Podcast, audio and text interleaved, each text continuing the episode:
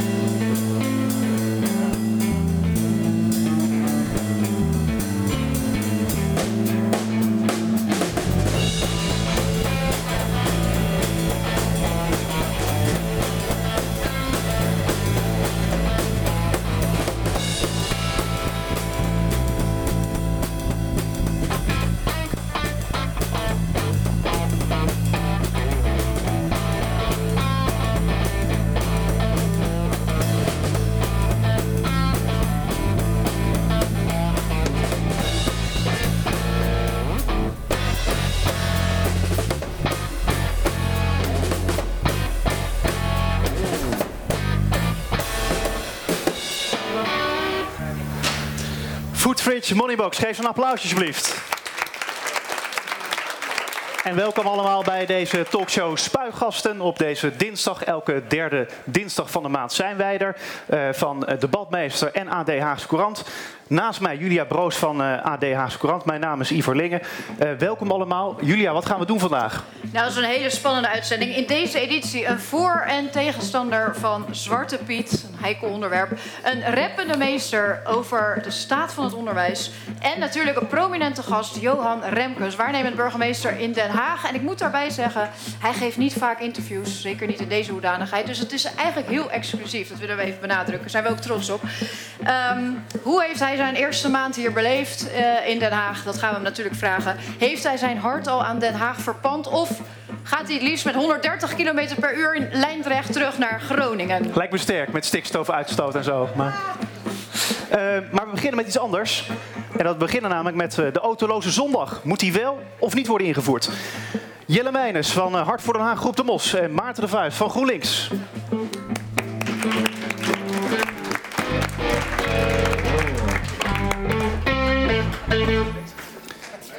Ja, links uh, voor de kijkers uh, thuis ook van uh, Den Haag TV. maar ook voor het publiek hier. Jelle Meijners van Hart voor Den Haag. Groep de Mos aan de linkerzijde. En Maarten de Vuist, een beetje gek eigenlijk, aan de rechterzijde van GroenLinks. Het zou andersom moeten zijn. Ja. Moeten we even de microfoons nog erbij uh, halen. Die liggen volgens mij uh, daar achter in de studio. Misschien dat we heel eventjes nog die kunnen krijgen. Want dan kunnen we ook horen wat jullie zo meteen te zeggen hebben. Want opeens lijkt de autoloze zondag dichterbij dan ooit. Nu het kabinet onorthodoxe maatregelen uh, onderzoekt om een uitweg te vinden in de stikstofcrisis. Eigenlijk uit die stikstofcrisis. En zeker een stad als Den Haag, waar we natuurlijk geen boeren hebben. althans, ja, we hebben een paar buurtboerderijen misschien. en een paar poegjes uit de stad willen gaan weren. moeten we eigenlijk hele rigoureuze maatregelen nemen. Willen we nou iets doen aan die uh, stikstofuitstoot? Zoals bijvoorbeeld het instellen van een autoloze zondag. Nou, te gast dus uh, Jelle Meijners van Hart voor Den Haag Groep de Mos en uh, Maarten de Vuist van GroenLinks. Ehm, over die autoloze zondag. Ja, dat was nog al een tijdje geleden. Ik heb dat zelf niet meegemaakt, ik ben een stuk jonger. Het was in de 70 jaren, misschien weten jullie het jaartal nog wel. Hebben jullie het wel zelf meegemaakt, Jelle? Ja, dat klopt. Uh, ik, heb, ik, kan me nog goed herinneren dat het, uh, ja, het uh, lekker leeg was op straat. En, je kon overal lekker rol, rolschaatsen. Maar... Ja, dat deed iedereen toen, hè? Rolschaatsen. Ja. Zie je op alle foto's, alles zwart foto's ja. van toen. Ja. Klopt. En, en jij hebt het denk ik niet meegemaakt, hè? Nee, ik ben een stuk jonger dan Jelle. Ik kan me dat niet herinneren. Het is wel jammer, want ik had Jelle wel graag eens een keer willen zien rolschaatsen. Maar toch verlang je ernaar. Dus je verlangt naar iets wat je eigenlijk niet weet wat het, wat het is. Ja, noem het nostalgie. Uh, naar een uh, tijd waarin we de tijd voor elkaar namen. Waarin er ruimte was om op straat te spelen. Het wordt drukker en drukker in de stad. Um, dus los nog van de stikstof lijkt mij dat een fantastische reden om, uh, om één keer per maand bijvoorbeeld een autovrije dag te hebben. Um, maar daarnaast zitten we natuurlijk, waarom is het zo actueel geworden, met het stikstofproblematiek. Ja. En in Den Haag hebben we twaalf weilanden en een paar koeien uh, op de buurtboerderijen. Dus we zullen andere dingen moeten doen. En dan moeten we kijken naar ons Haags verkeer, inderdaad. Ja. ja. dat klinkt denk ik voor Jelle als een nachtmerrie. Wat even voor de uh, kijkers. Uh, Jelle heeft een limousine in de schuur staan. Heb ik me laten vertellen. En een Dodge Ram. Uh, nou, Die, voor wie het niet weet, dat is een Amerikaanse pick-up van ongeveer 8 meter lang. een soort strikbeeld van een GroenLinkser, denk ik. voor de gemiddelde GroenLinkser. dus jij wil wel lekker doorknallen met die Ram, denk ik. Nou, even een kleine rectificatie. Ik heb natuurlijk wel een, een, Dodge Ram, maar die rijdt eh, allereerst op gas. Dus is eh, redelijk schoon. Maar dat mag ook niet meer, toch, gas? Moeten van het gas af, toch? Ja. Ja, maar ik, ik ga ervan uit dat het voorlopig niet gaat gebeuren. Eh, en eh, dus veel schoner is dan een, dan een benzineauto. En eh, die limousine, die, eh, ach, die rijdt niet zoveel. Maar waar het om gaat is eh, eh, de autoloze zondag. Wat gaat het eh, ons opbrengen en ons opleveren? Eh, er zijn totaal geen cijfers van eh, wat het ons op gaat leveren. En het wordt ook gedaan op een zondag. Wat eigenlijk eh, helemaal niet de beste dag is om dat te doen. Want de meeste vrachtwagens die het meeste uitstoten, die, die rijden dan niet op de weg. En ja, dus ik vind het een hele vreemde een, actie. Maar het lijkt me als je het op dinsdag doet, de drukste dag ongeveer, dinsdag en donderdag, hè, file dagen. Als je het dan doet, dan krijg je echt oorlog met automobilist. Ja, nee, dat begrijp ik natuurlijk. Maar eh, het- ik vind het bovenal helemaal eh, een, een onzinmaatregel. Ik bedoel, het gaat eh, het klimaat of eh, de, de uitstoot echt niet eh, rigoureus, waar we het net over hebben, naar beneden brengen. Want de, de oorzaken van de uitstoot, die, die liggen niet zozeer hier bij de auto's in Den Haag. Ja, daar denk jij anders over, denk Ja, daar denk ik zeker anders over. Dat, dat ligt eraan wat je, wat je bekijkt. Maar eh, het me- merendeel van het fijnstof, het ultrafijnstof, wordt inderdaad door ons ver- verkeer eh, uitgestoot.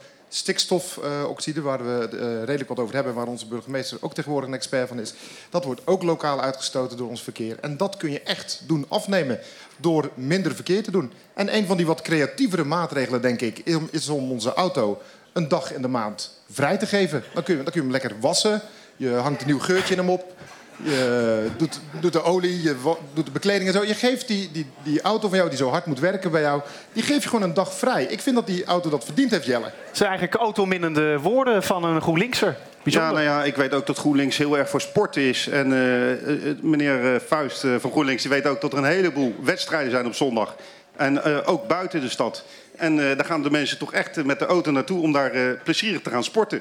Wat eh, volgens mij ook heel belangrijk is. Ja, wat, wat, wat Maarten heeft eh, eigenlijk Jelle niet een punt dat het eigenlijk symboolpolitiek is. En je zou als GroenLinks, wil je toch ook niet eh, ja, die vrijheden zoals gewoon je auto instappen, dat daarin willen beperken?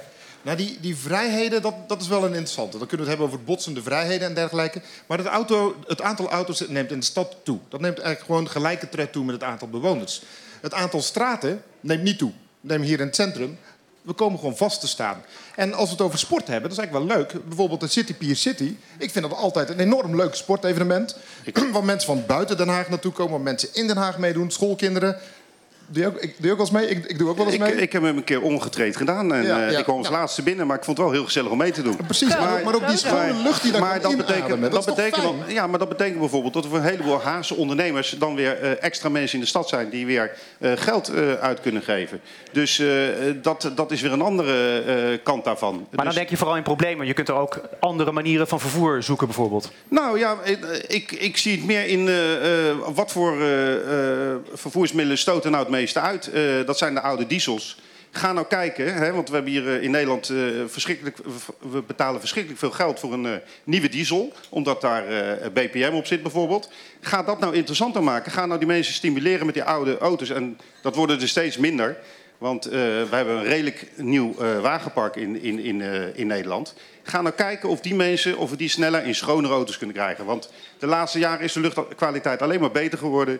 Ik bedoel, eh, eh, alles is mooier, groener geworden. Eh, we, worden overspoeld door rivierkreeften. Ik bedoel, de wolven komen weer in Nederland. Of dat een goede ontwikkeling is, Ja, valt nee, maar, maar laten we nou gaan kijken of, of, die, of die auto's op schonere brandstoffen kunnen rijden en, en, en, minder uit kunnen stoten. We weten allemaal dat de meeste uitstoot komt eigenlijk van de vrachtschepen. We, we zitten met twee havens.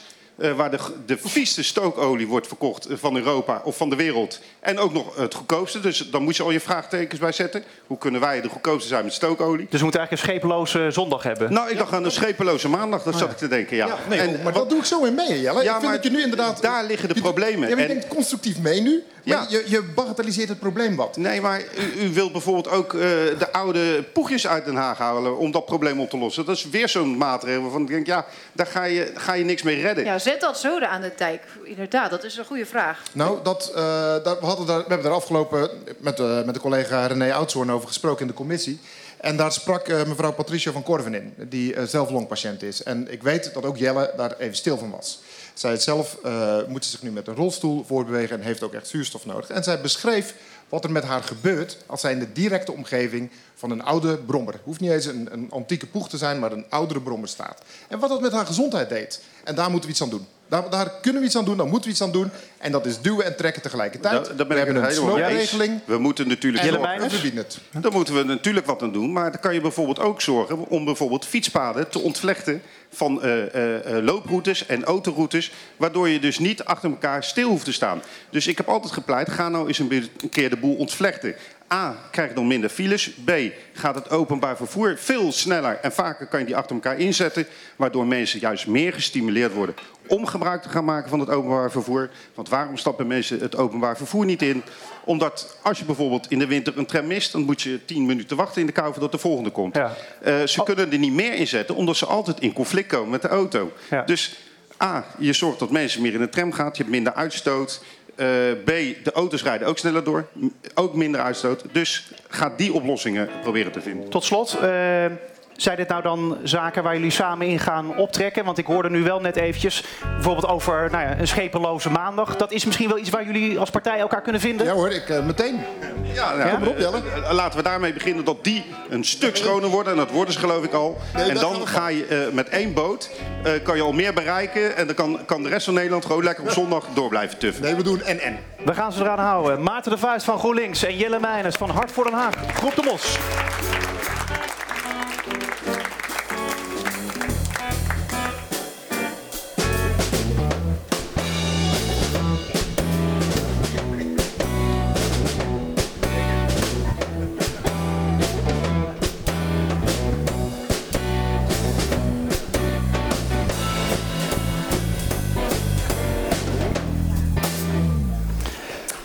Moneybox. Geef ze een applaus alsjeblieft, jongens. Staan er niet voor niks. Dankjewel. Ja, sinds een maand is meneer Remkes, Johan Remkes, uit Groningen, de, wel de belangrijkste burger van Den Haag, mogen we wel zeggen. Als waarnemend burgemeester krijgt hij wel veel voor zijn kiezen al meteen hier. Boerenprotesten, bouwprotest, eh, demonstraties van pro- en anti-Zwarte Pieten. En natuurlijk het al decennia slepende dossier vreugdevuren. Nou, u ziet het hier op de tafeltjes al. Wij leven ook helemaal mee met eh, meneer Remkes. Meneer Remkes, heel erg eh, dank dat u in deze uitzending wilde zijn. Dat is vrij uniek. Ik heb het in het begin van de show al gezegd. Meneer Remkes geeft niet zoveel media-optredens hier in de hoedanigheid van burgemeester van Den Haag. Dat klopt, hè? Ja, dat klopt. Ik vind dat ik mij als waarnemend burgemeester ook in zekere mate terughoudend op eh, heb te stellen. U wilt zich niet te veel binden aan de Hagenaar? Dat heeft, daar niks mee te, dat heeft daar niks mee te maken. Ik vind dat mensen in zijn algemeenheid in het leven een beetje hun plek eh, moeten kennen. En het, het gaat niet in de eerste plaats om mij. Het gaat in de eerste plaats om deze stad. En het bestuur van deze stad. Maar u heeft wel gezien dat de hele zaal vol zit. Dus eh, blijk, ja, ik, Ja. ze kunnen waarschijnlijk ook voor de andere onderwerpen komen. Maar ik denk ook wel stiekem dat ze voor u komen hoor. U heeft wel veel fans Toch? in de stad in die korte tijd.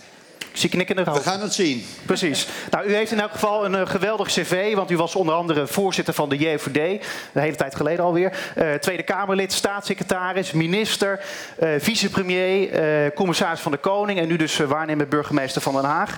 En in al die functies heeft u dus nog nooit, begreep ik, Sinterklaas mogen begroeten. Nee, dat was voor mij de eerste keer. En ik heb dat afgelopen zaterdag met heel veel genoegen gedaan. Hoe, hoe was dat om de grote Sinterklaas een handje te mogen schudden? Nou, we zijn ongeveer even groot, hebben Ja, wij want u, geconstateerd. bent, u bent heel lang, hè? Eh, Boven de 1,90 als ik dat zo inschat. Eh, Ik ben, Langer dan ik. eh, Ja, misschien dat ik inmiddels in verband met mijn leeftijd weer wat aan het krimpen ben. Maar ik was altijd 1,98, ja. Wow, oké. Maar was dit nou uw hoogtepunten uit uw politieke carrière? Nou, ik heb, en die vraag wordt mij veel vaker gesteld. eh, maar iedere functie kent zo zijn eigen hoogtepunten. En dus ook deze functie. En dat was het binnenhalen van eh, Sinterklaas. En ik heb gisteren, toen ik een boek over Adrie Duivenstein kreeg uitgereikt. ook gezegd dat dat, wat mij betreft, een hoogtepunt eh, was. Want Adrie en ik kennen elkaar al heel lang, met name uit de Kamer. Ja. Dus eh, ja, maar goed, zo kunt u natuurlijk elke dag een hoogtepunt noemen. Nu vindt u dit waarschijnlijk het hoogtepunt van uw dag. Dat mogen we hopen. Maken jullie er wat van? Zorg ervoor. Precies. Eh, maar hoe was het? Eh, neem ons even mee naar het moment dat eh, Sinterklaas daar met de pakjesboot eh, eh, aankomt. En dat u dan oog in oog staat met de Goedheiligman. En 200.000 ouders met kinderen eromheen, toch? Dat waren de getallen. En Josias van Artsen, die was er ook nog. Ik moet heel eerlijk zeggen dat ik onder de indruk was van de grote aantallen mensen daar op, uh, op Scheveningen. En uh, ook uh, langs de route. En dat betekent dat ondanks al het lawaai en de fus eromheen.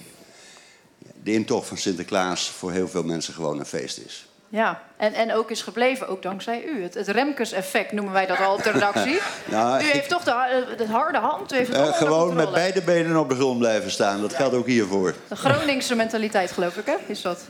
Dat zeggen ze wel eens, ja. ja. En daar kan ik mijzelf wel vrij regelmatig op betrappen, verklap ik hier. Ja.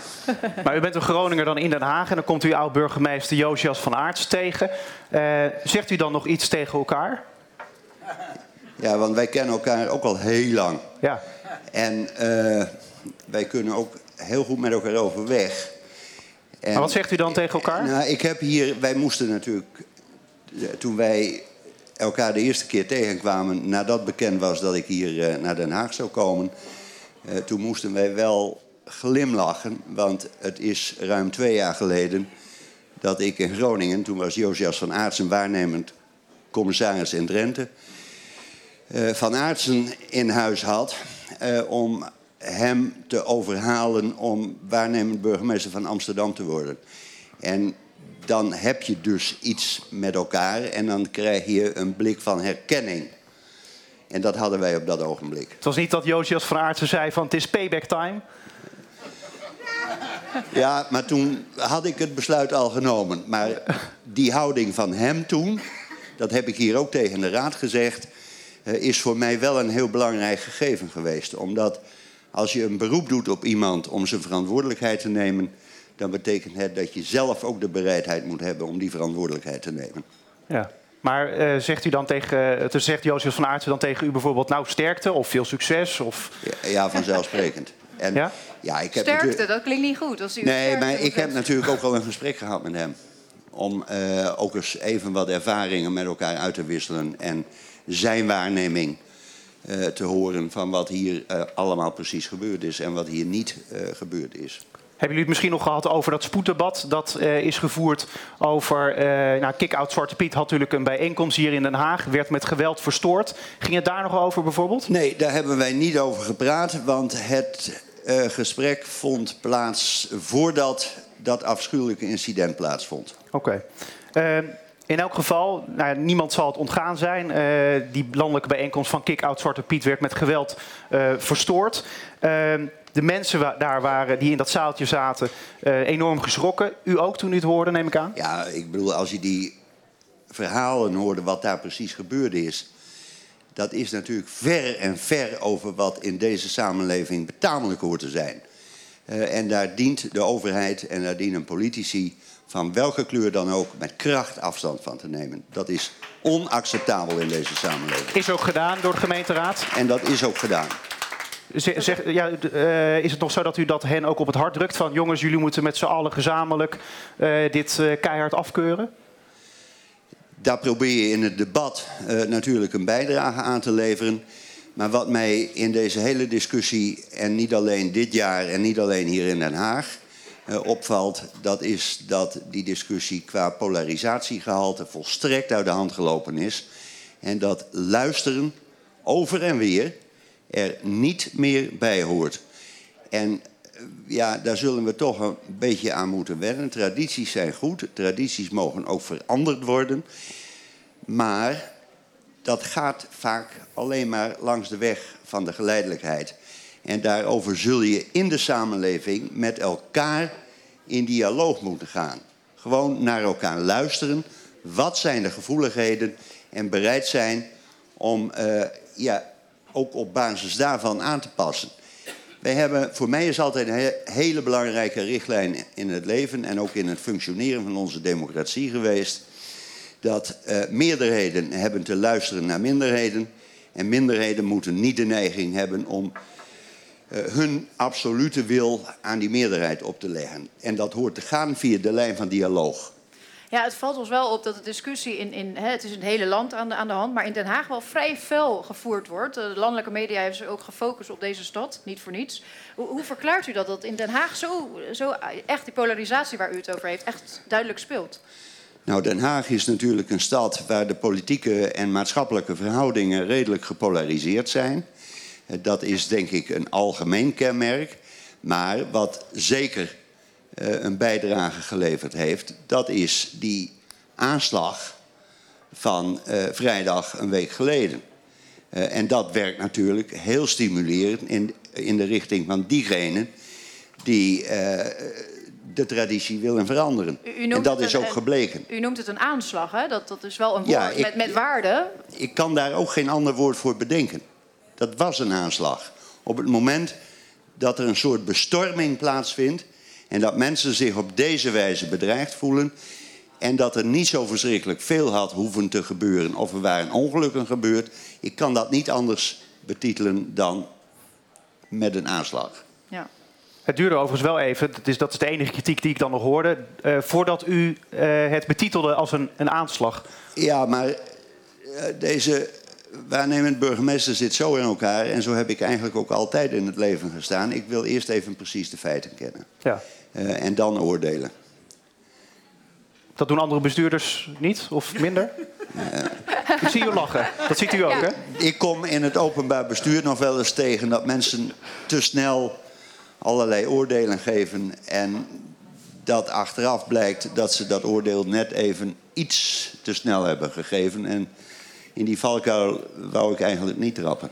Nee. Hoe, hoe verliep eigenlijk... eh, ja, u krijgt vaak applaus, merk ik. Dat hebben we nog nooit gehad, eh, meneer Remkes. Eh, een gast die zoveel applaus eh, kreeg. Dat gesprek, hè, naar... naar Eh, dat gesprek hè, daarna, hoe, hoe is dat verlopen? Met, heeft u ook met, die, met de, de slachtoffers, zullen we dan zeggen, van die aanslag gesproken? En ook met, ja, ja het andere kamp is... eh, heeft u met hen gesproken na die, eh, na dat, Ja, na er, die zijn aanslag? natuurlijk, er zijn natuurlijk mensen opgepakt door de politie. Ja. En de politie heeft, was heel snel, te- snel ter plekke en de politie heeft adequaat gefunctioneerd. Ja. En de mensen die daarbij waren, die hebben ook ingesproken in de raad. En die hadden zeer emotionele betogen. Ja. En dat doet u ook veel, merk ik. Dat het zo ontaard is in deze stad. Ja, vanzelfsprekend. Ja. Vanzelfsprekend. Laten we nog even over die demonstratie hebben van eh Kick-Out Zwarte Piet in Den Haag. Eh, het lijkt, eh, in elk geval, dat is hoe ik het heb gezien, het is ordentelijk verlopen. Ehm, hoe ziet u dat? Want het hing wel heb- met een beetje mits en maren aan elkaar allemaal. Ik heb vandaag de organisator van afgelopen zaterdag een brief gestuurd. waarin ik grote waardering uitspreek voor de wijze waarop het georganiseerd is geweest. En het is ordentelijk verlopen, ook omdat er eh, toch een stevige aanwezigheid van de politie in de stad was. En dat heeft denk ik ook bijgedragen aan rust in de tent. En ook eh, de organisatie eh Kick-Out Zwarte Piet heeft zich ordentelijk gedragen. Ja. Is dit dan de methode Remkes? Dus dit kunnen we volgend jaar weer gebruiken? Ik weet niet, of- ja, de methode Remkes, eh, eh, gewoon een beetje rustig blijven, maar vooral je waardering uitspreken in de richting van diegenen die daar een belangrijke verantwoordelijkheid voor dragen. En En nazorg. dat is de organisatie, dat zijn de demonstranten en dat is met name ook de politie. Ja. Maar bijzonder dat u ook nazorg pleegt in die zin. Ja, maar dat is toch, eh, eh, dat is toch vanzelfsprekend. Eh, Je hoeft toch niet altijd alleen maar negatieve commentaren te hebben. Als dingen goed gaan, dan mag je dat, sterker, dan moet je dat zo af en toe ook zeggen. Waarvan akte? Eh, Sint kan natuurlijk aan op Scheveningen. eh, waar ook vooral eh, pro-Pieten-aanhangers wonen. Dat hebben we ook gezien met alle posters die daar werden geplakt. Maar door de hele stad. Toevallig is dat ook het epicentrum van de vreugdevuren. Ehm, en de vraag is natuurlijk of die vuren op Scheveningen en in Duindorp komende jaarwisseling wel door kunnen gaan. Daar is deze week nog intensief overleg met de organisatoren. En op Scheveningen en in Duindorp. En eh, ik kan daar over de afloop van dat overleg kan ik nog niet alles zeggen. Dat, Nog dat, niet dat alles. begrijpen we. Maar, Maar wat kan u dan wel zeggen? Ja, precies. En, en want ze hebben nog een korte termijn, even voor de mensen die het niet precies weten, aan die vergunningen. Hè, er zijn hele strenge eisen uh, uh, hangen daaraan. En daar kunnen ze ja, op zo'n korte termijn moeilijk aan voldoen. Hè. Er, moet een, uh, een, hele berekening komen van de stikstofuitstoot aan de ene kant. En dan, hè, dus dat, daar hebben ze moeite mee, hebben ze ook aangegeven aan u. Van nou ja, dat vinden we lastig te halen, die deadline. Dus even, ja, het is al vrij snel. Zes, zeven weken, waar hebben we het eigenlijk over? Redden ze dat nog? Ik realiseer mij dat de termijnen kort zijn. Uh, maar wij hebben aangegeven dat het binnen die termijnen wel kan. Alleen dat vraagt ook de medewerking van de organisatoren en uh, de bouwers. En ik hoop dat het alles allemaal op tijd uh, voor, elkaar, voor elkaar komt. Kijk, het probleem hier is natuurlijk, er ligt een rapport van de Onderzoeksraad voor de Veiligheid. Daarin werd aanbevolen dat het vergunningentraject ingegaan moest worden. Dat heeft het gemeentebestuur gevolgd. Uh, daar was ook uh, de gemeenteraad breed uh, voorstander van. En dan gaat het vervolgens om het aflopen van dat traject. Ja. En dat vindt op dit ogenblik plaats. En over het resultaat daarvan kan ik op dit moment met zekerheid nog niks zeggen. Nee, dat snappen we. Maar uh, zit u, u zit niet zelf aan tafel met die bouwers. U heeft wel een kennismakingsgesprek met hen gehad. Maar u voert niet zelf die gesprekken, toch? Nee, dat doen de medewerkers van, uh, van de gemeente. Maar ik zal ongetwijfeld uh, de komende paar weken nog wel ook weer zelf een gesprek met ze voeren. En wat is dan de reden dat u dat dan gaat doen?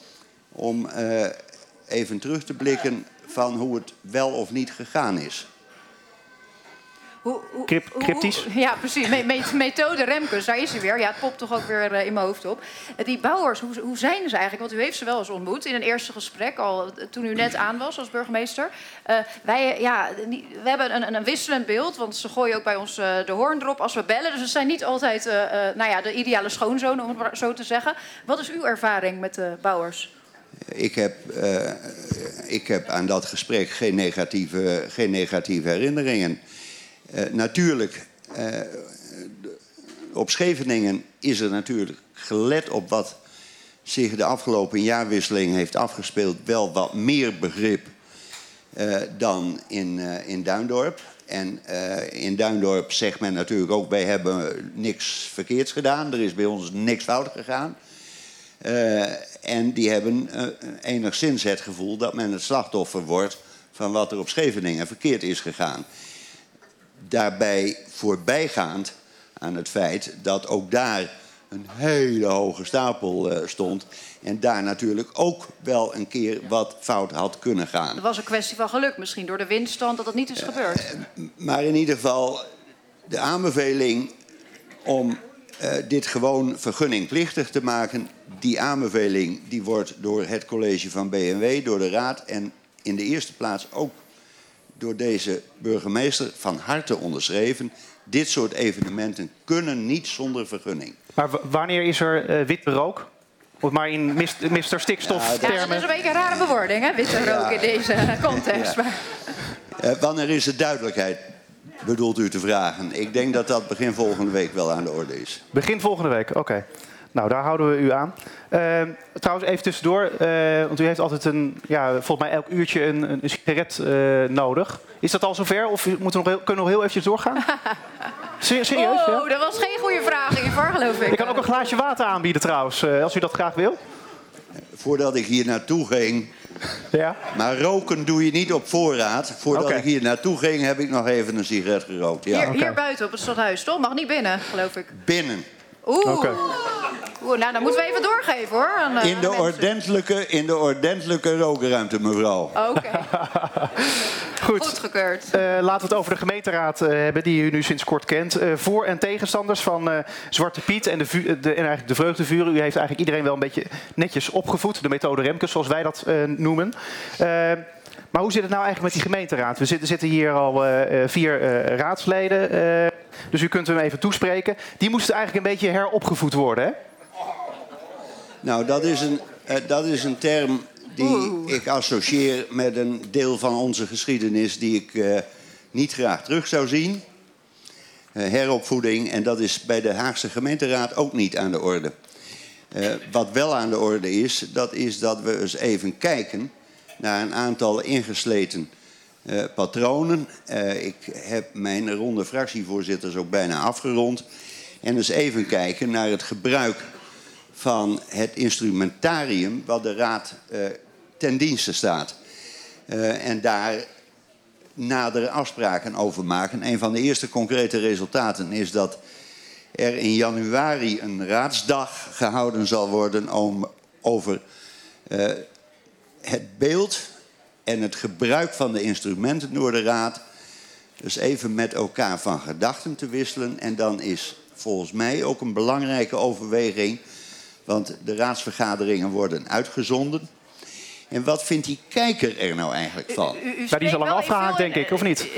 Ja. Die is al lang afgehaakt, denk ik, die kijker. Ja, want Nou, u ik gebruikt vrees- hele moeilijke woorden. U gebruikt instrumentarium. En, eh, u bedoelt eigenlijk, ze moeten korter praten. Punt. Korter lullen. Ja, het het, het, is niet alleen, het is niet alleen eh, eh, korter praten, het is ook het aantal interrupties, het is ook eh, het, het stellen van de schriftelijke vragen, het is ook de vraag welke agendapunten komen nou, komen nou eigenlijk in de plenaire raad aan de orde en wat kun je in de commissievergaderingen afdoen.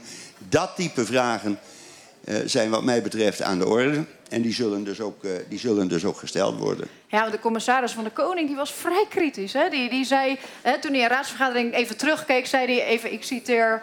Nou, nou, nou jongens, wat een niveau. Nou, dat vind ik nogal wat. En de commissaris van de Koning, die u ook goed kent, meneer Smit, die dat zegt. Daar schrokken wij van.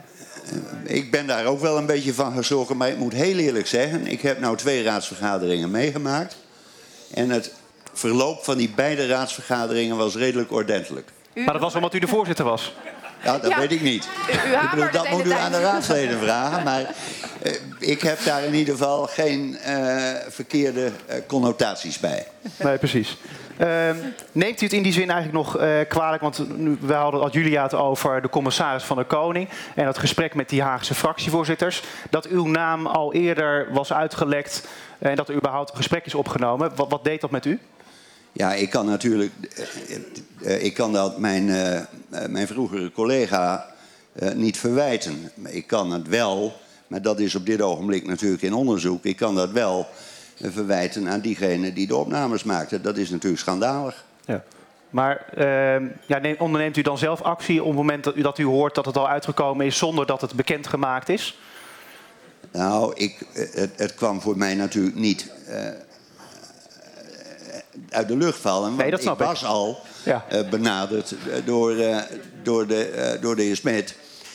Maar ik heb natuurlijk met grote verbazing gekeken wat daar precies gebeurde. Maar het overgrote deel van de fractievoorzitters waren ook buitengewoon verbaasd. En wat ik in de gesprekken wel gemerkt heb, dat is dat ze zich eigenlijk ook een beetje schamen voor wat er gebeurd is. Ja. Heeft u het idee dat de gemeenteraad echt verder wil, echt zichzelf wil verbeteren? Ja, ja dat is mijn beeld zeker. Waar, waar merkt u dat aan? Eh, dat heb ik gemerkt in de gesprekken die ik met de fractievoorzitters heb gevoerd. Ja. Had u er nog wel zin in eh, toen u uw naam al rondzong en u, het was nog niet officieel bekendgemaakt? Dacht u, nou dan eh, laat hem maar zitten hoor. Ja, dan, maar dan weet je ook, eh, je, je hebt ja gezegd. En je hebt je verantwoordelijkheid eh, genomen.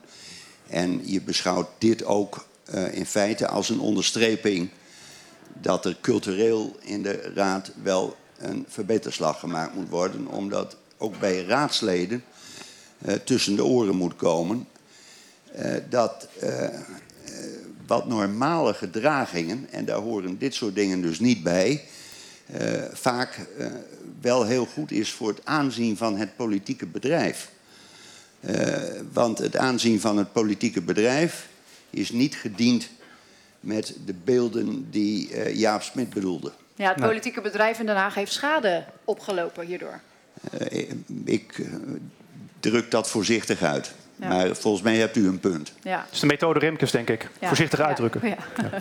Ehm, u heeft jarenlang op het Binnenhof eh, vergaderd. En als u dan hier de gemeenteraad eh, nou ja, hoort praten, delibereren, urenlang over soms hele kleine onderwerpjes. Terwijl ja, de begroting, eh 2,5 miljard, daar lachen ze om in de Tweede Kamer.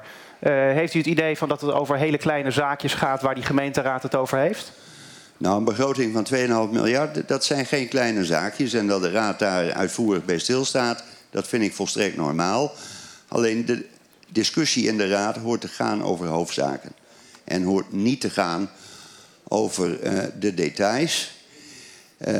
En ja, de vergelijking met de Tweede Kamer, wat mij wel opgevallen is, dat is dat in, in het Haagse reglement van orde een aantal zaken uit het reglement van orde van de Tweede Kamer zijn overgenomen. En ik kan dat ook wel wat, verklaren. Dan? Wat bedoelt u? Wel, wel, welke. Nou, ze kennen, ze kennen, in de Kamer bijvoorbeeld de mogelijkheid als er een commissievergadering is geweest, dat dan iemand die een motie in wil dienen, dat plenair in de, in de, in de, in de vergadering van de Kamer kan doen, zodat die motie ook plenair in stemming komt. Dat gebruik is hier in uh, de Haagse gemeenteraad overgenomen. En ik denk ook, want het zit natuurlijk allemaal dicht bij elkaar en er zijn ook personele unies dat dat ook wel wat stimulerend werkt voor uh, dat fenomeen. Dus we, ja. spelen in Den Haag Tweede Kamertje, zeg maar. Ze willen zich een beetje belangrijker voelen misschien dan ze zijn. Oh. Ik weet niet of ik nu vijanden maak, maar... Ik, ik, ik, ik denk dat sommigen dat niet na kunnen laten. Oké. Okay. Uh, u blijft uiterlijk tot 1 juli, dat klopt nog steeds, hè? Als dat klopt nog steeds, ja. ja. Uh, wat heeft u nou uzelf tot, ten doel gesteld? Ik bedoel, wil, u wil de rust laten terugkeren, dat is het? Nou nee, ik heb in de richting van de Raad uh, drie prioriteiten aangegeven. Dat is in de eerste plaats vanzelfsprekend openbare orde en veiligheid. Dat is in de tweede plaats uh, integriteit.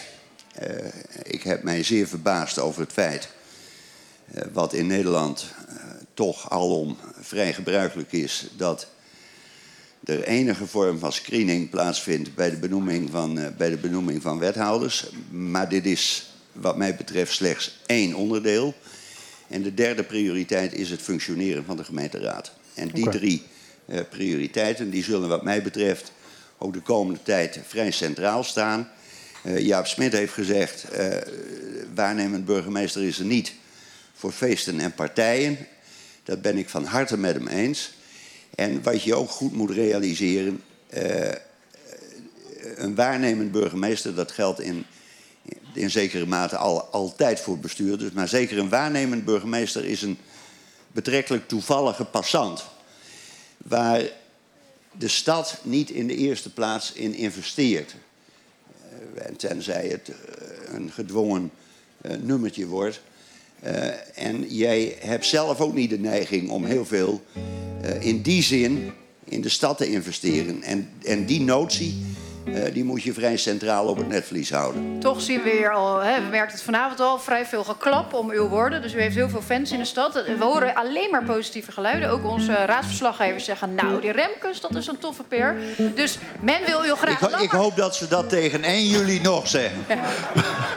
Nee, maar waar, men ziet u graag hier, eh, als ik namens ons allemaal spreek... ziet u hier langer blijven dan 1 juli. Is dat een optie? Nee. Nee, u bent standvastig. Nee, nee, nee, dat is geen optie. Ik heb, uh, ik heb vorig jaar heel wel bewust uh, een punt gezet achter mijn actieve uh, carrière. Ik had nog wel een paar jaar in Noord-Holland doorgekund, maar heb dat bewust niet gedaan. Niet om achter de geraniums te gaan zitten, want ik doe er ook nog een aantal dingen naast. Maar wel omdat ik het wel mooi vond. Of uw vrouw wilde het niet meer? Nou, die heeft daar ook wel een rol bij gespeeld, ja. Ja, dat dacht en die ik heeft daar ook wel een rol Vrouwen bij zijn heel ja. belangrijk. Ja. Uh... Wel, ik, ik vraag me wel een beetje af, wat gaat u doen met uw vrije tijd? Als u straks na 1 juli klaar bent. Waar, waar houdt het meneer Remkes van? Ja, maar ik, ik zeg net, ik deed er ja. en doe er een aantal dingen naast. Ja, en dat die snap blijf ik. En die blijf ik ook gewoon doen. Ja, maar u heeft toch ook vrije krijg tijd? meer vrije tijd. Ik zal u verklappen, verklappen ik heb dit voorjaar net een fiets gekocht. Ik had, eh, ik had, eh, ik had 40 jaar geen fiets gehad. En ik heb Zo. weer een fiets gekocht en daar ook gewoon al een aantal tochten op gemaakt. Dus daar hoeft u zich geen zorgen over te maken. Heel mooi. Misschien ziet u hem wel rijden door de stad. Op zijn fiets, Johan Remkes.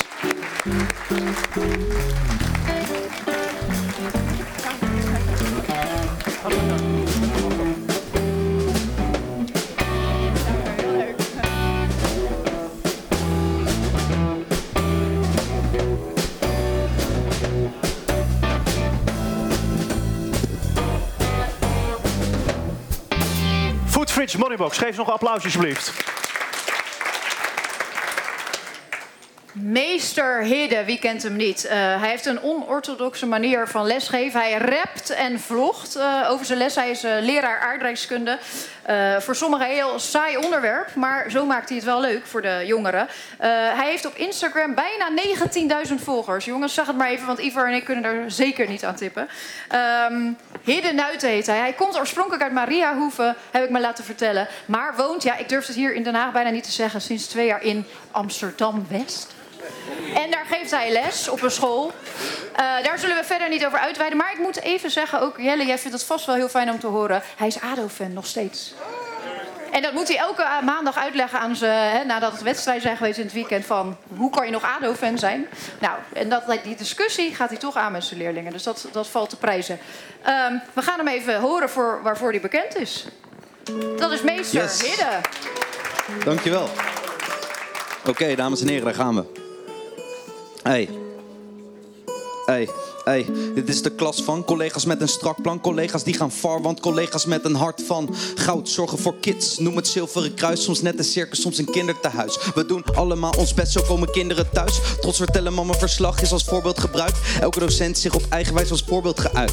Eigenwijs, dat zijn we zeker, wordt als voordeel gebruikt. Trots op onze buit, dus onze borst nu vooruit. Meester brengt het oldschool, maar het is het nieuwe geluid. Via Ostuin, Betondorp, opnieuw terug naar Zuidpak. Metro 51 bij de BIMS, past eruit. Hey, dit is de klas van Piet en van Soef. Dit is mijn klas waar ik vroeger zelf zat als een boef. Soms loopt het vlotjes en soms loopt het stroef. Soms moeten we ze laten blijven zitten, maar ze zijn altijd on the move. Om onderwijs te gaan verbeteren, mijn beroep hier gaat verdedigen. Valt altijd iets te regelen, geen zon zonder te regen. Opinies van een menigte. Ey, ey, samen sterk ben niet de enige. Kom aan op school, wat een heerlijke dag. Dat kleine hiddenmeester werd, dat had niemand gedacht. Wacht, dit is mijn ambacht, mijn ma, mijn beroep. Ik doe dit voor de youth, voor de kids, voor de groep. Dit werk is rennen, vallen, bikkelen en weer doorgaan, doorgaan. Tirades van een groep pubers doorstaan, voorstaan. In moeilijke tijden het kind er doorslaan. Achter elkaar als een geheel dan weer voorstaan. Dit is de klas van soms gaat het ook mis. Want soms heb ik het mis en dan word ik gedist. Ja, ik vind ik heb een punt en naar dat punt wordt gevist. Ben ik ook even pist en gooi ik die deuren dicht. Maar gooi die daarna weer open en dan zien we het licht. Weer een lachend gezicht, ik weet niet waar het aan ligt. Ze me toch weer ompraten, ja ik gun en ik zwicht. Ik doe dit omdat ik dit wil doen, zie dit niet als een plicht. Ey, dit is de klas van mij en van jou. Doe een beroep mijn collega's, ja die elke dag trouw. Voor die kids door het vuur gaan. Passie die is puur man. Zou geen andere job willen of ergens aan het stuur staan. Het maakt niet uit hoe oud, het maakt niet uit waar vandaan. Lekker gassen met de klasse, broertje, dit is mijn baan. Doe dit niet voor de likes, doe dit niet voor de faam. Dit is mijn beroep, dus daar ga ik voor staan. Dit is mijn klas, jouw klas, ey. Jouw klas, mijn klas, klas van iedereen. Dit is mijn klas, jouw klas, ey. Ey, ja, dit is de klas van iedereen. Ey, ey, dit is de klas van iedereen. Ja, ja, dit is de klas van iedereen. Ey, ey, dit is de klas van iedereen. Meester Hidden, ja, dit is de klas van iedereen. Jouw klas, mijn klas, klas van iedereen. Jouw klas, mijn klas, klas van iedereen. Jouw klas, mijn klas, klas van iedereen. Meester Hidden, ja, dit is de klas van iedereen. Dankjewel. En voor de dames natuurlijk, applaus.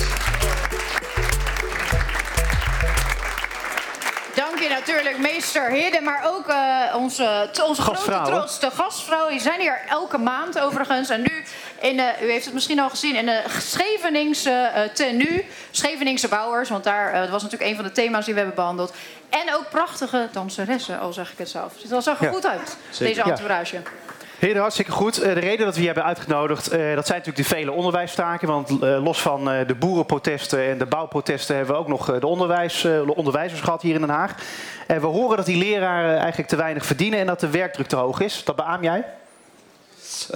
ik ervaar zelf niet uh, al te veel werkdruk. Vandaar dat ik er ook veel dingen naast doe. Maar als ik dat van collega's hoor die een druk gezinsleven hebben, dan kan ik me voorstellen dat die werkdruk te hoog kan worden als je ook nog heel veel andere dingen moet doen. Want je, ze raken echt overwerkt, dat is wat je hoort? Ja, zeker. zeker. Ik heb collega's die wel, uh, dat heet tegenwoordig een burn-out, maar de, daardoor uh, ja, een tijdje niet op school zijn. En uh, het werk met die kinderen kan best wel zwaar zijn. Zeker als je, ja. zoals ik, de uitdagingen opzoekt bij 3 en 4 MAVO. Niet de makkelijkste doelgroep van Nederland, maar wel een hele leuke. Dus dat kan ik me heel goed voorstellen.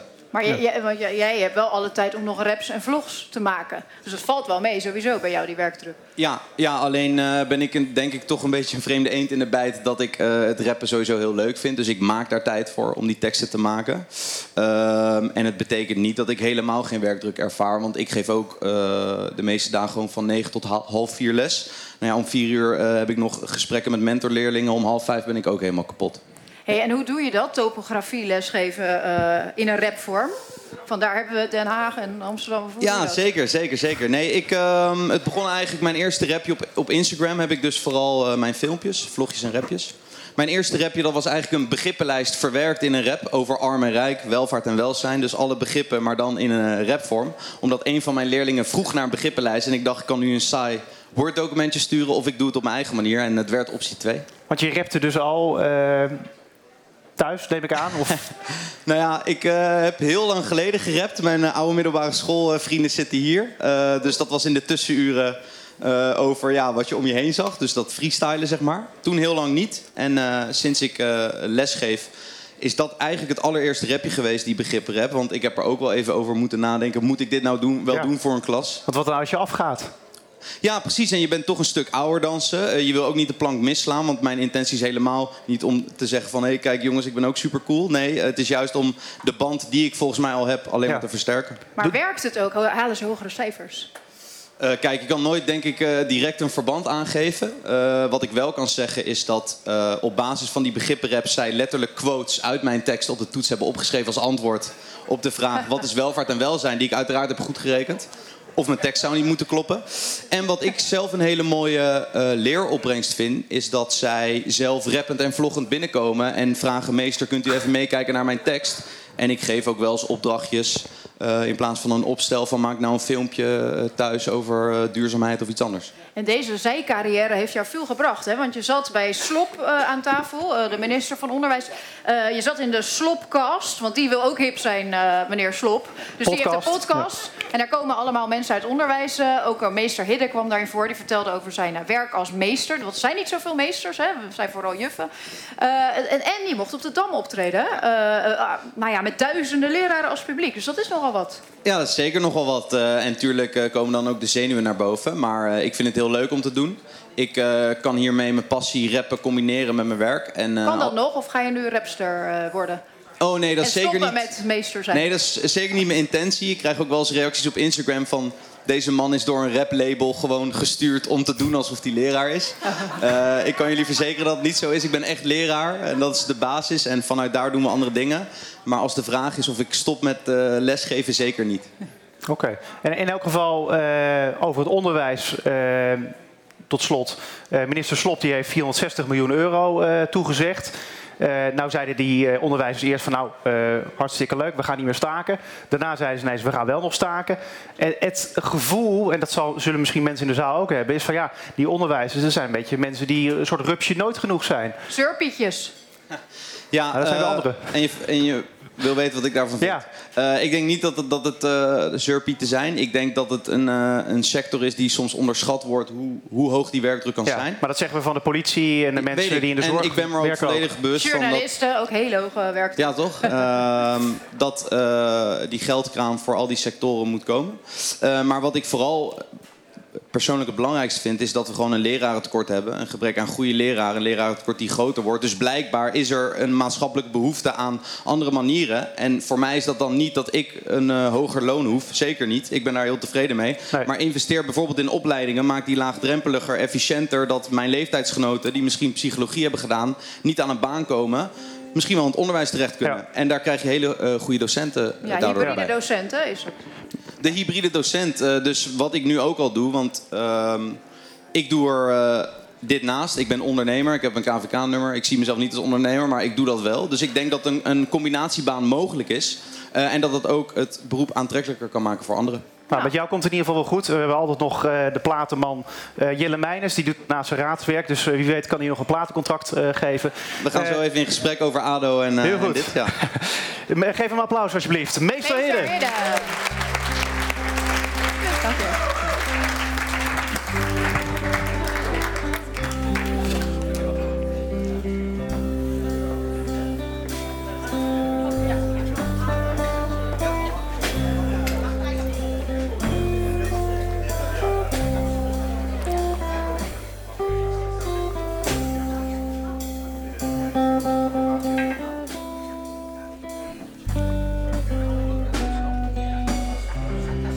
Haag is het eh, epicentrum van de strijd om eh, Zwarte Piet. Maar waarom is die discussie nou in deze stad nou zo hevig? Te gast zijn de gemeenteraadsleden Karen Gerbrands van de PVV hier aan de rechterkant. En Mikkel Tsegai van de Partij van de Arbeid. Welkom en applaus alsjeblieft.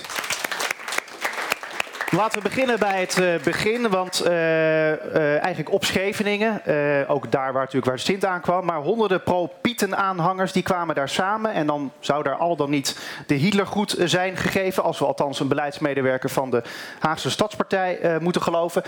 even kort, wat denken jullie, ja of nee? Hitlergroet, was dat daar? Mikkel Tsegai?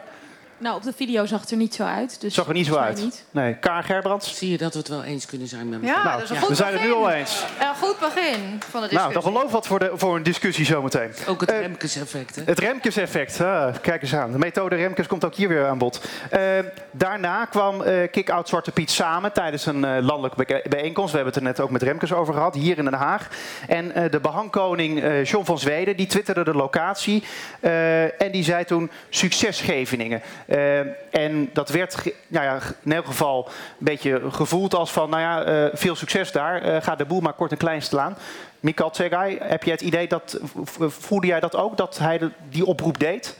Nou ja, ik, vind, ik vond het heel erg raar dat hij ervoor koos om de locatie te twitteren. Want Kick Out Zwarte Piet heeft expres een geheime locatie uitgekozen uh, voor die avond. Uh, omdat ze ook vanwege veiligheidsredenen dat niet openbaar wilden hebben. En dan vind ik het wel onverantwoord om dat uh, te gaan tweeten. Ja, Karen Gerbrands, onverstandig van John. Nou ja, het is natuurlijk op zich is het, uh, is het niet handig. Kijk, als je mensen oproept om tegenprotest te doen, uh, vreedzaam, dan kan ik me dat nog voorstellen. Maar dat heb je dus als je een oproep via social media doet. Je hebt het niet in de hand, dus het is niet handig. Nee, niet handig geweest. Oké. Okay. Karen, je hoorde net uh, de, de, burgemeester, die zei ja, die sprak van een aanslag. Hè, die bijeenkomst die vreed werd verstoord van KOZP.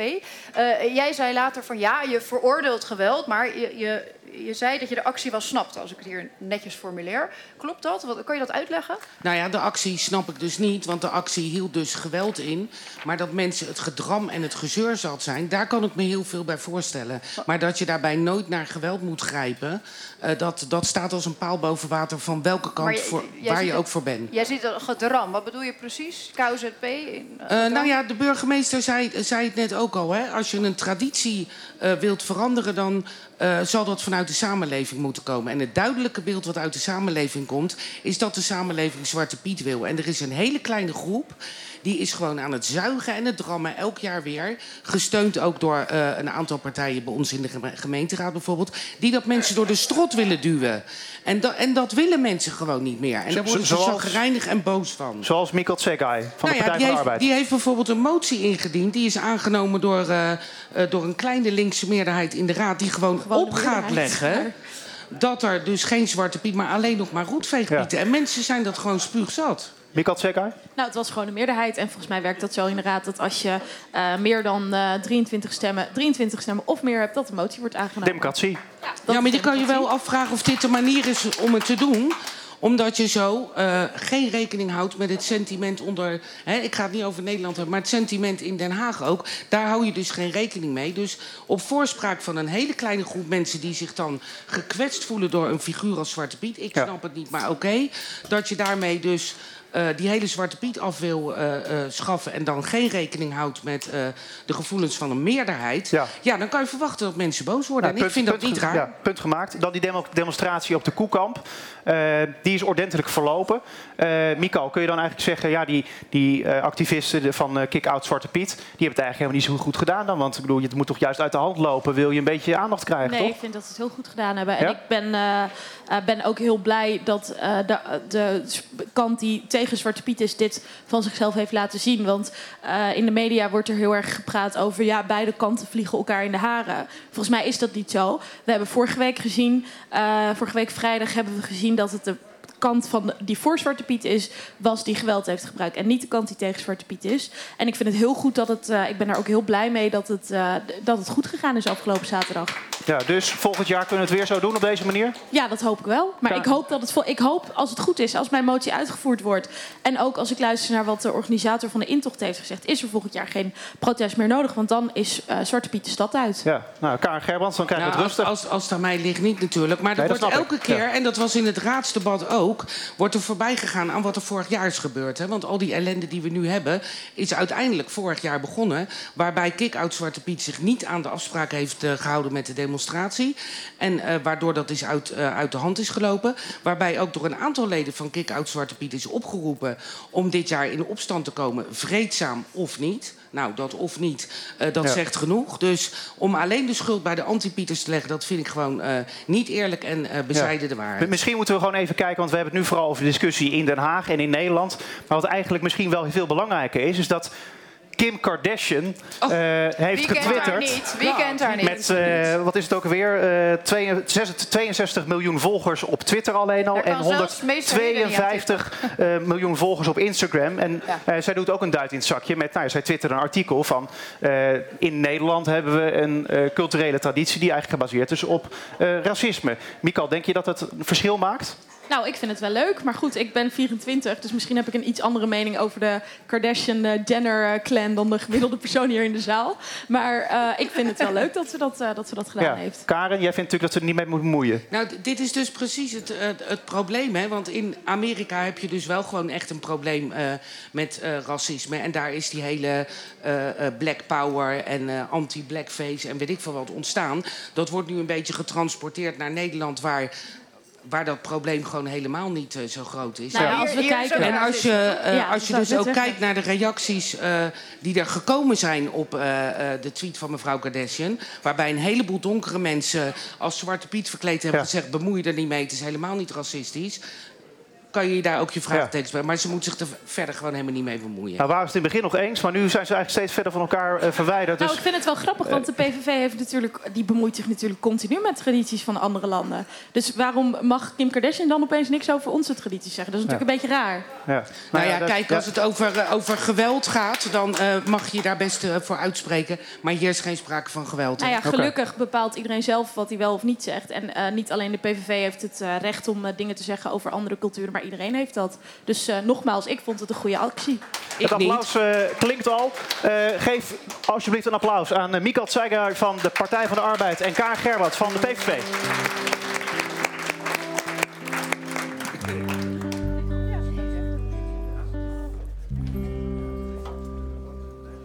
Nou, gelukkig is daar Marcel Verrek om uh, weer allen os tot rust te brengen. De methode Remkes. Op de, ja, de burgemeester is weg, dat is nou toch jammer. Ik had allerlei behartigenswaardige woorden voor hem, maar dat zal hij dan wel uh, later krijgen. Waarde stadgenoten, zo had ik het mij afgelopen zaterdag voorgesteld. Helikopters cirkelen boven de stad. Straaljagers patrouilleren door het luchtruim. Op diverse plekken in Den Haag zijn pelotons ME samengetrokken. Voor de kust heeft zijn majesteit de ruiter inmiddels zijn positie ingenomen. Het escorteren van de stoomboot tot binnen de territoriale wateren... door het hypermoderne fregat verloopt nog zonder problemen. Wel gaat op het Zuiderstrand een gigantische, sterk op Sylvana Simons gelijkende pop in vlammen op. Volgens bronnen rond de brandstichters betreft het hier warm lopen voor oud en nieuw. In de haven heerst een ouderwetse drukte. De detectiepoortjes functioneren naar behoorde. En het uitdelen van de groen-gele kogelwerende vestjes aan de kinderen is één groot feest. Op de daken van de huizen kan je scherpschutterpieten zien kronkelen. Het eerste incident vindt plaats op de Frederik Hendriklaan. Een aantal recherchepieten houdt ter hoogte van patisserie Plasman een onverlaat, onverlaat met een taart staande. De arrestant wordt met de nekklem buiten gevecht gesteld, maar verklaart eenmaal op adem gekomen de taart alleen voor eigen gebruik te hebben gekocht.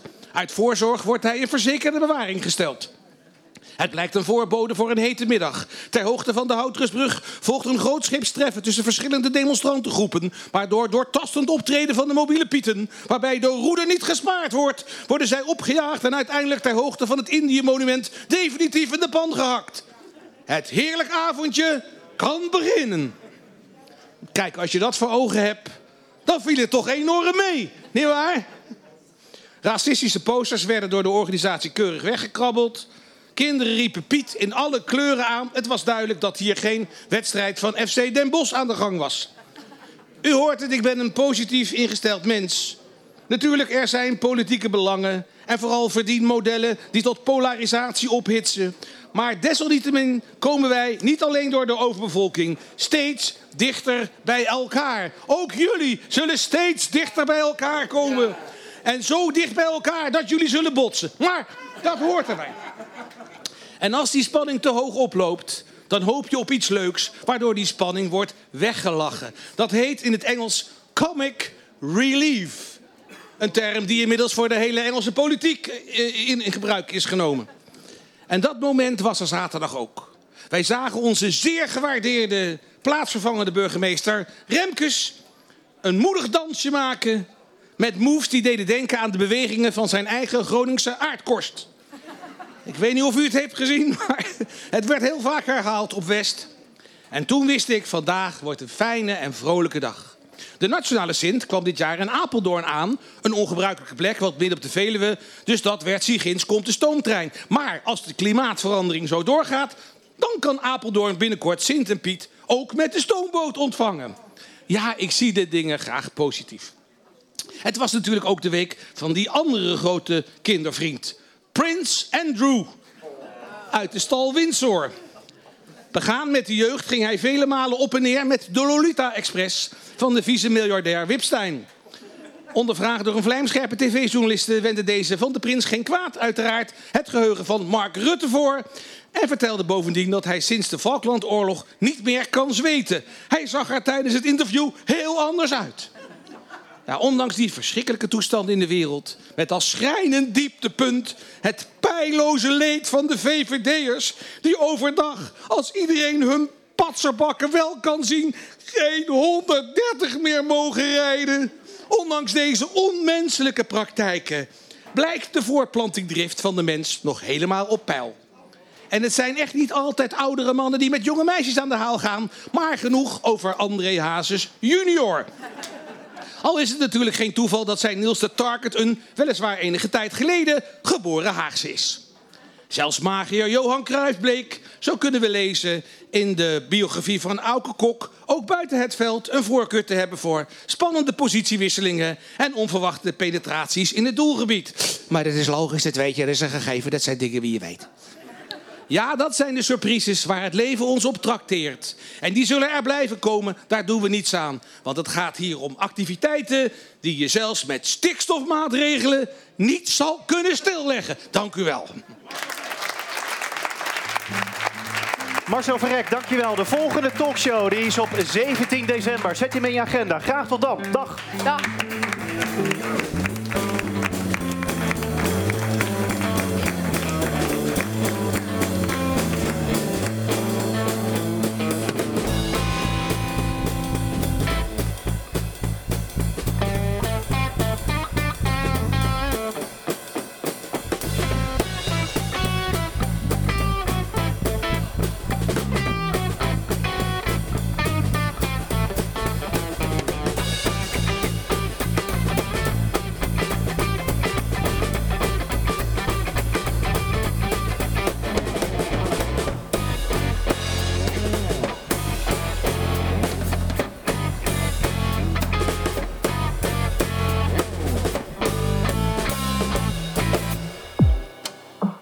Luistert naar de podcast van Bibliotheek Den Haag.